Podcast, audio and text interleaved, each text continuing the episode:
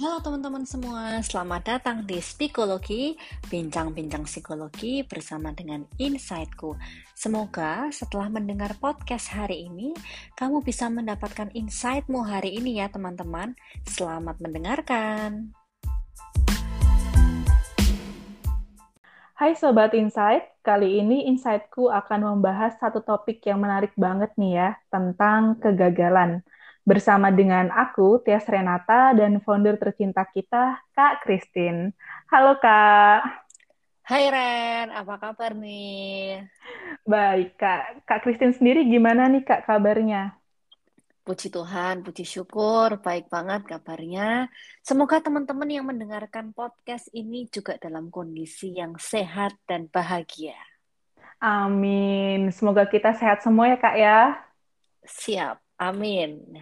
Di episode pertama ini kita mau bahas apa nih Ren di Insightku uh, 01 gitu ya, psikologi.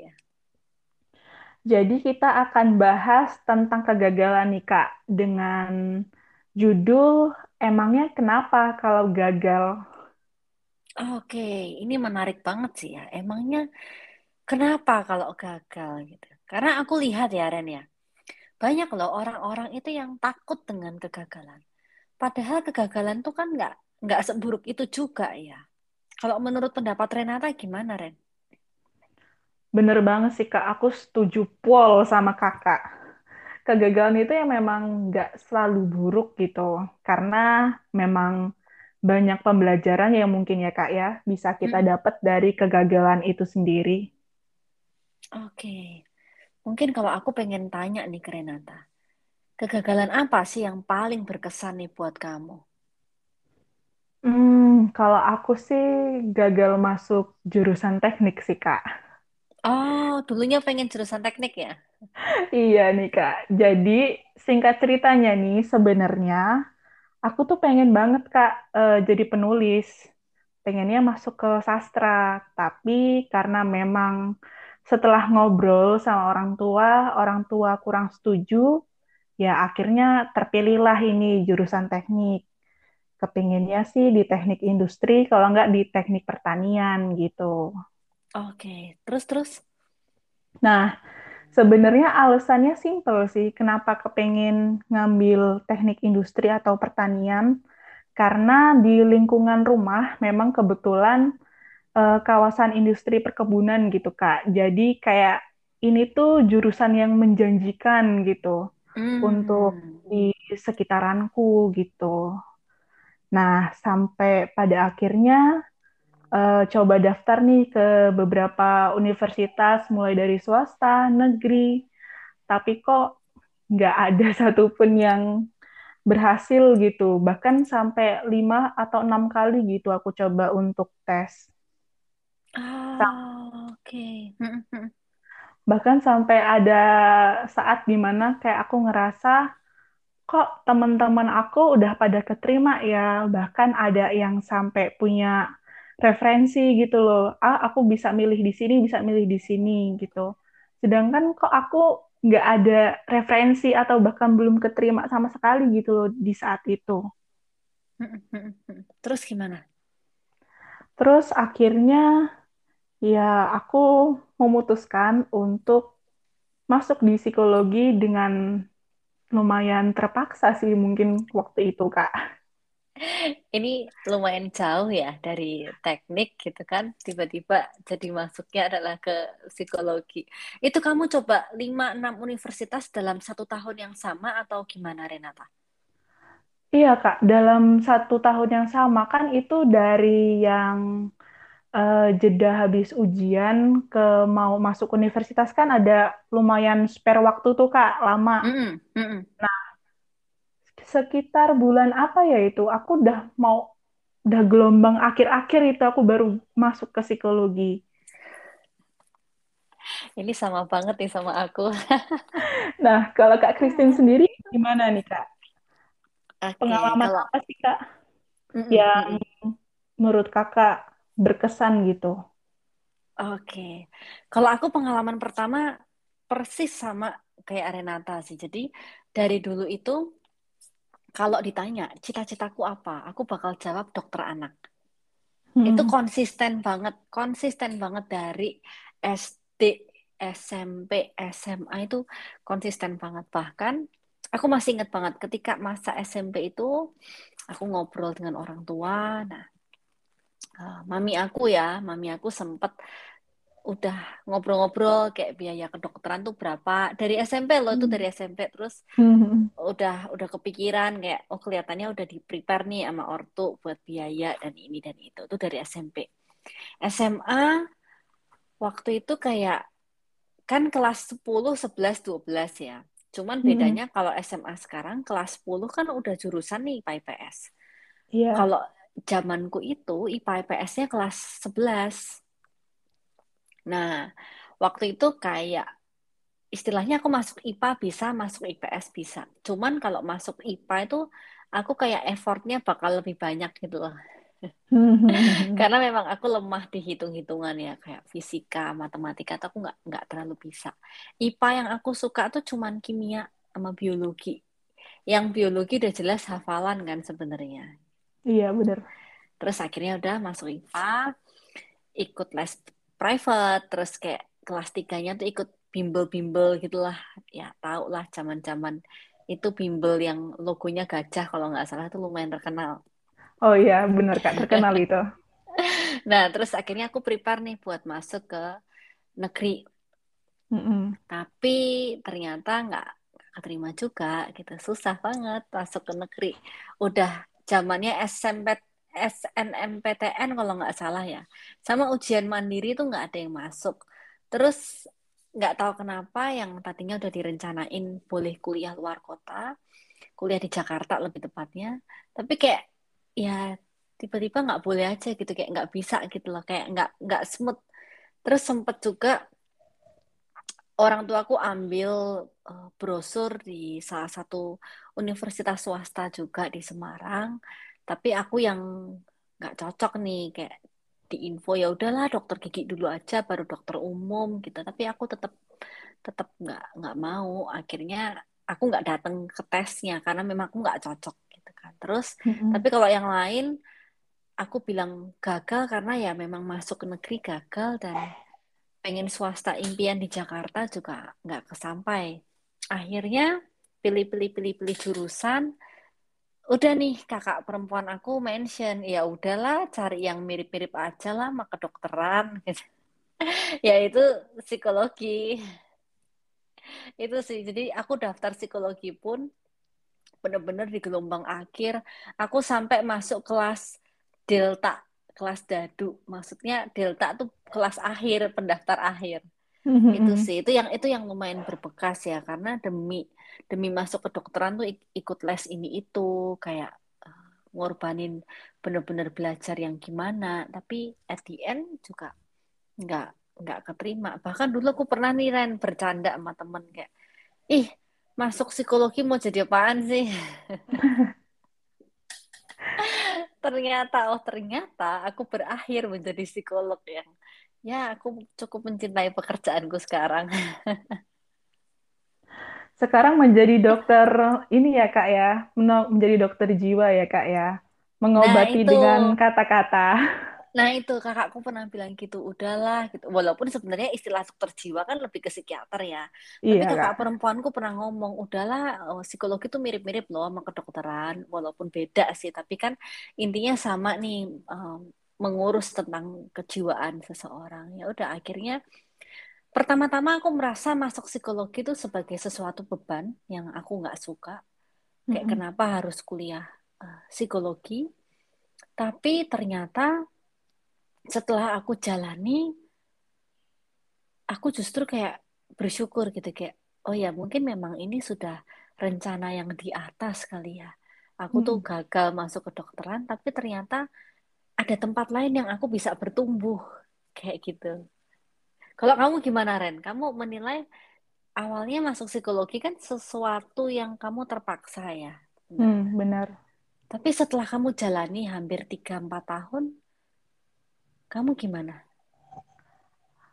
Awal-awalnya pasti ngerasanya berat banget sih Kak. Bahkan ini eh, ngaruh banget nih ke IPK di semester awal. Ah, oke. Mm-mm. Terpukul Nah, soalnya ya masih ya. iya, karena merasa kayak kayak tempatku nggak di sini deh gitu kan, Kak. Mm-mm, mm-mm, mm-mm. Nah, mulai karena sebenarnya karena tahu IPK-nya juga segitu, kok aku ngerasa, aduh kayaknya harus bangun deh, nggak boleh kayak gini terus deh. Masa iya habis jatuh mau tertimpa tangga lagi Tangga. gitu kan? Kayak udah nggak keterima di teknik, masuk psikologi, terus nilainya mau hancur. Aduh, nggak bisa banget nih kalau kayak gitu. Dan ya akhirnya itu sih Kak mulai mencoba untuk mengelola emosi, kayak mulai eh, belajar sih Kak untuk mengakui apa yang aku rasain, apa yang aku pikirin, apa yang aku takutin gitu. Sampai akhirnya baru deh tuh mulai berani untuk netapin tujuan lagi, untuk netapin kayak aku habis ini mau ngapain ya? Aku di psikologi ini mau ngapain ya? aku udah dapet nih ilmu, aku udah dapet privilege, bisa kuliah, bisa sampai di titik ini, apa yang harus aku lakuin? Dan sampai akhirnya aku juga ngerasa sih Kak, kayak bersyukur banget, kayaknya memang ini tempatku gitu loh. Mungkin Ah, kayak selama ini eh, selalu pilihanku tuh selalu terpengaruh sama keputusan orang tua, sama eh, perkataan orang lain atau harapan orang lain gitu. Dan tanpa aku sadari di psikologi ini ternyata memang aku menemukan diriku yang sesungguhnya gitu. Itu sih Kak. Kalau dari Oke. Kak Christine sendiri gimana Kak? Ketika Oke, keren ya. Mm-mm. hmm, ketika menghadapi kegagalan itu, Kak Christine tuh ngadep, eh, ngadepinnya gimana kira-kira dan butuh berapa lama gitu untuk terima kegagalan itu? Mm-mm, mm-mm. Aku juga barusan tadi mau tanya nih, tapi nanti aja ya Hmm, setelah aku jawab gitu kan. Oke, ya. Ah, mungkin kalau aku ngadepinnya adalah eh, ya enjoy aja. Maksudnya ya sudah terlanjur kan, maksudnya memang masuk psikologi. Aku juga memilih dengan sadar karena orang tua aku bukan tipe yang strict sih. Maksudnya kalau kedokteran harus kedokteran yang gimana.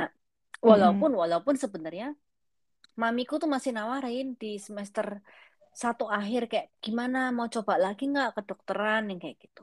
Cuman aku bilang enggak ah, maksudnya udah udah berjuang satu semester eh, di psikologi biar IP-nya tiga ke atas misalkan kan. Terus masa aku pindah gitu kayak enggak deh kayak udahlah di sini aja aku udah males tes-tes lagi. Jadi menghadapinya adalah mencoba untuk menikmati apa yang aku nggak suka Hmm. mencoba untuk hadir di masa itu. Kalau bahasa kerennya sekarang tuh mindful. Hmm, bener Kak. Tapi kalau zaman dulu kan aku belum kenalan ya, Ren ya, sama Hmm. mindfulness gitu-gitu aku belum kenalan. Tapi ternyata udah nerapin bahwa aku mencoba untuk hadir betul-betul di perkuliahanku, betul-betul hadir di apa yang dosen itu ajarkan. Aku bener-bener catat, bahkan aku masih ingat aku semester satu super rajin banget. Aku beli buku-buku eh, psikologi mungkin pokoknya beli macam-macam beli gitu kan terus sering-sering ke perpus baca ini itu kayak jadi aku benar-benar mencoba untuk menikmati kuliahku yang sebenarnya awalnya aku nggak nggak suka dan ternyata oh ternyata setelah aku mencoba mendalami ya Ren Hmm. justru kuliah psikologi itu kayak aku bilang rawat jalan sih jadi Bener kayak banget Kak. pelajaran-pelajaran yang dosen kasih itu aku jadi kayak self awarenessku naik banget. Oh, ternyata Hmm. aku tuh orangnya begini. Oh, ternyata keluargaku tuh kurangnya begini. Oh, ternyata ini yang salah di sini. Jadi bener-bener kayak healing gitu loh. Lama-lama kayak keinget luka-lukanya dan mau nggak mau kayak berdamai. Butuh berapa lama? Kalau aku nggak salah ingat dalam satu semester itu ya aku udah mulai move on sih. Aku sudah sudah cukup enjoy nggak jadi nggak terlalu lama untuk aku bisa enjoy perkuliahanku yang aku pilih. Kalau Renata nih, kan kamu sempet ya IPK-nya Hmm. anjlok nih di awal, gitu kan? Iya bener Kak. Kamu butuh berapa lama untuk bangkit lagi, bikin planning A sampai Z dan sebagainya? Lumayan lama sih Kak kalau dibilang waktunya tuh. Karena memang selama kuliah pun itu aku merasa aku masih berusaha gitu loh Kak untuk bisa eh, nemuin aku mau apa, aku mau jadi apa setelah ini. Dan itu prosesnya berganti-ganti terus gitu Kak. Awalnya mau jadi eh, mau lebih ke PIO gitu, ke HR, Mm-mm. terus ganti lagi pengen ke klinis anak dan mulai lagi bergeser mau ke klinis dewasa. Jadi itu suatu proses yang menurutku panjang sih Kak untuk sampai di titik aku bisa menerima kegagalanku di awal gitu. Oh, oke. Mm-mm, mm-mm, mm-mm, Dan beruntungnya sebenarnya sama sih kayak eh, pengalaman Kak Christine dengan kita kuliah di psikologi itu kayak kita lebih aware sama diri kita, sama eh, apa yang kita mau eh, untuk benar-benar tahu nih apa yang kita mau, bukan didikte lagi sama orang lain kayak gitu. Jadi Terus mm-mm. terus ditambah aku juga punya lingkungan pertemanan yang emang suportif banget gitu loh Kak. Jadi kayak kita saling sharing, kita deep talk, terus kayak gimana sih eh, untuk nyelesain ini, untuk diskusi kasus atau untuk diskusi tugas.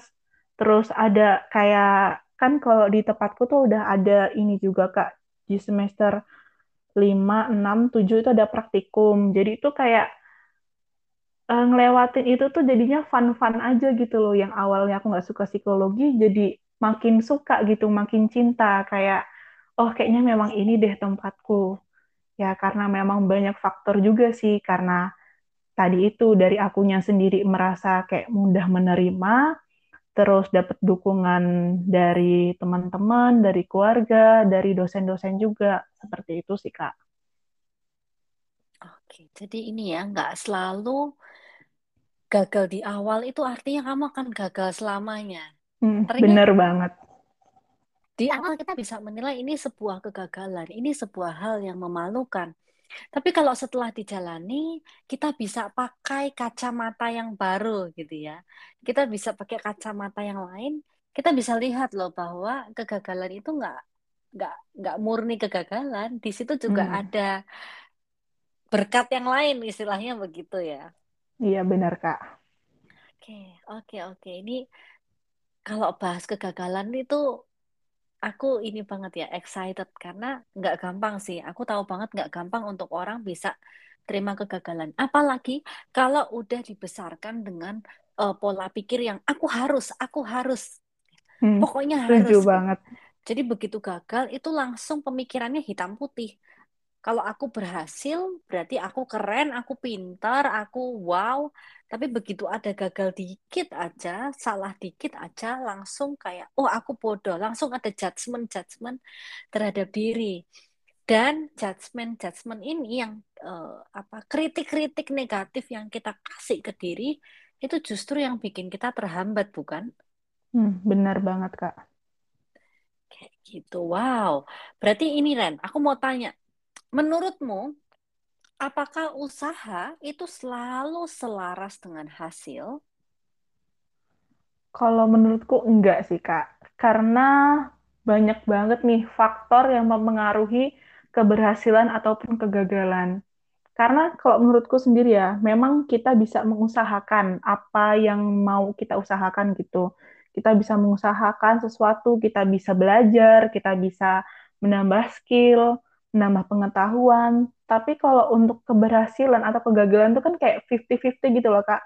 Kita nggak bisa selalu gagal ataupun nggak bisa selalu berhasil.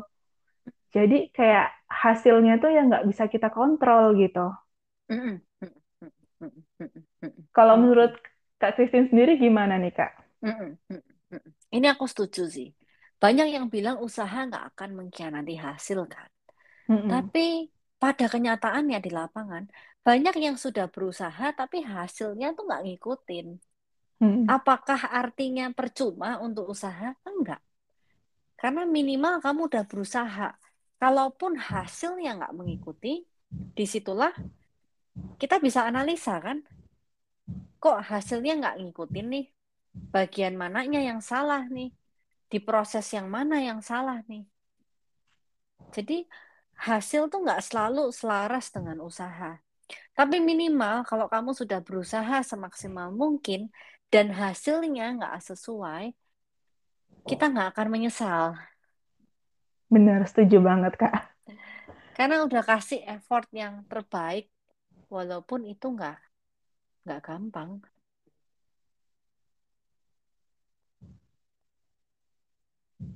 Walaupun itu nggak gampang sama sekali, tapi minimal kamu sudah kasih effort terbaik. Itu sih dari aku. Jadi teman-teman jangan takut untuk berusaha ya.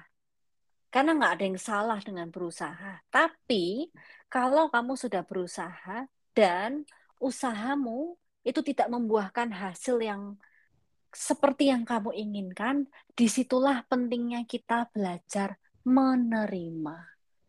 Karena dengan adanya penerimaan, baru setelah itu kita bisa merencanakan nextnya mau apa, mau move on dengan metode apa. Itu sih pesan-pesan dari aku. Oke, sangat insightful banget ini Kak ya sebenarnya pembicaraan kita di episode kali ini.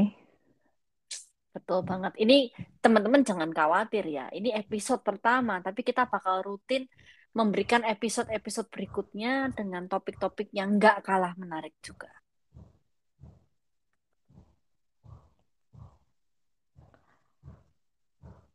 Oke, mungkin karena udah di pengunjung acara, aku mau nutup ya Kak ya. Boleh, Ren. Karena udah di pengunjung acara, aku cuma mau bilang ke teman-teman, keterbukaan adalah awal dari pemulihan. Biar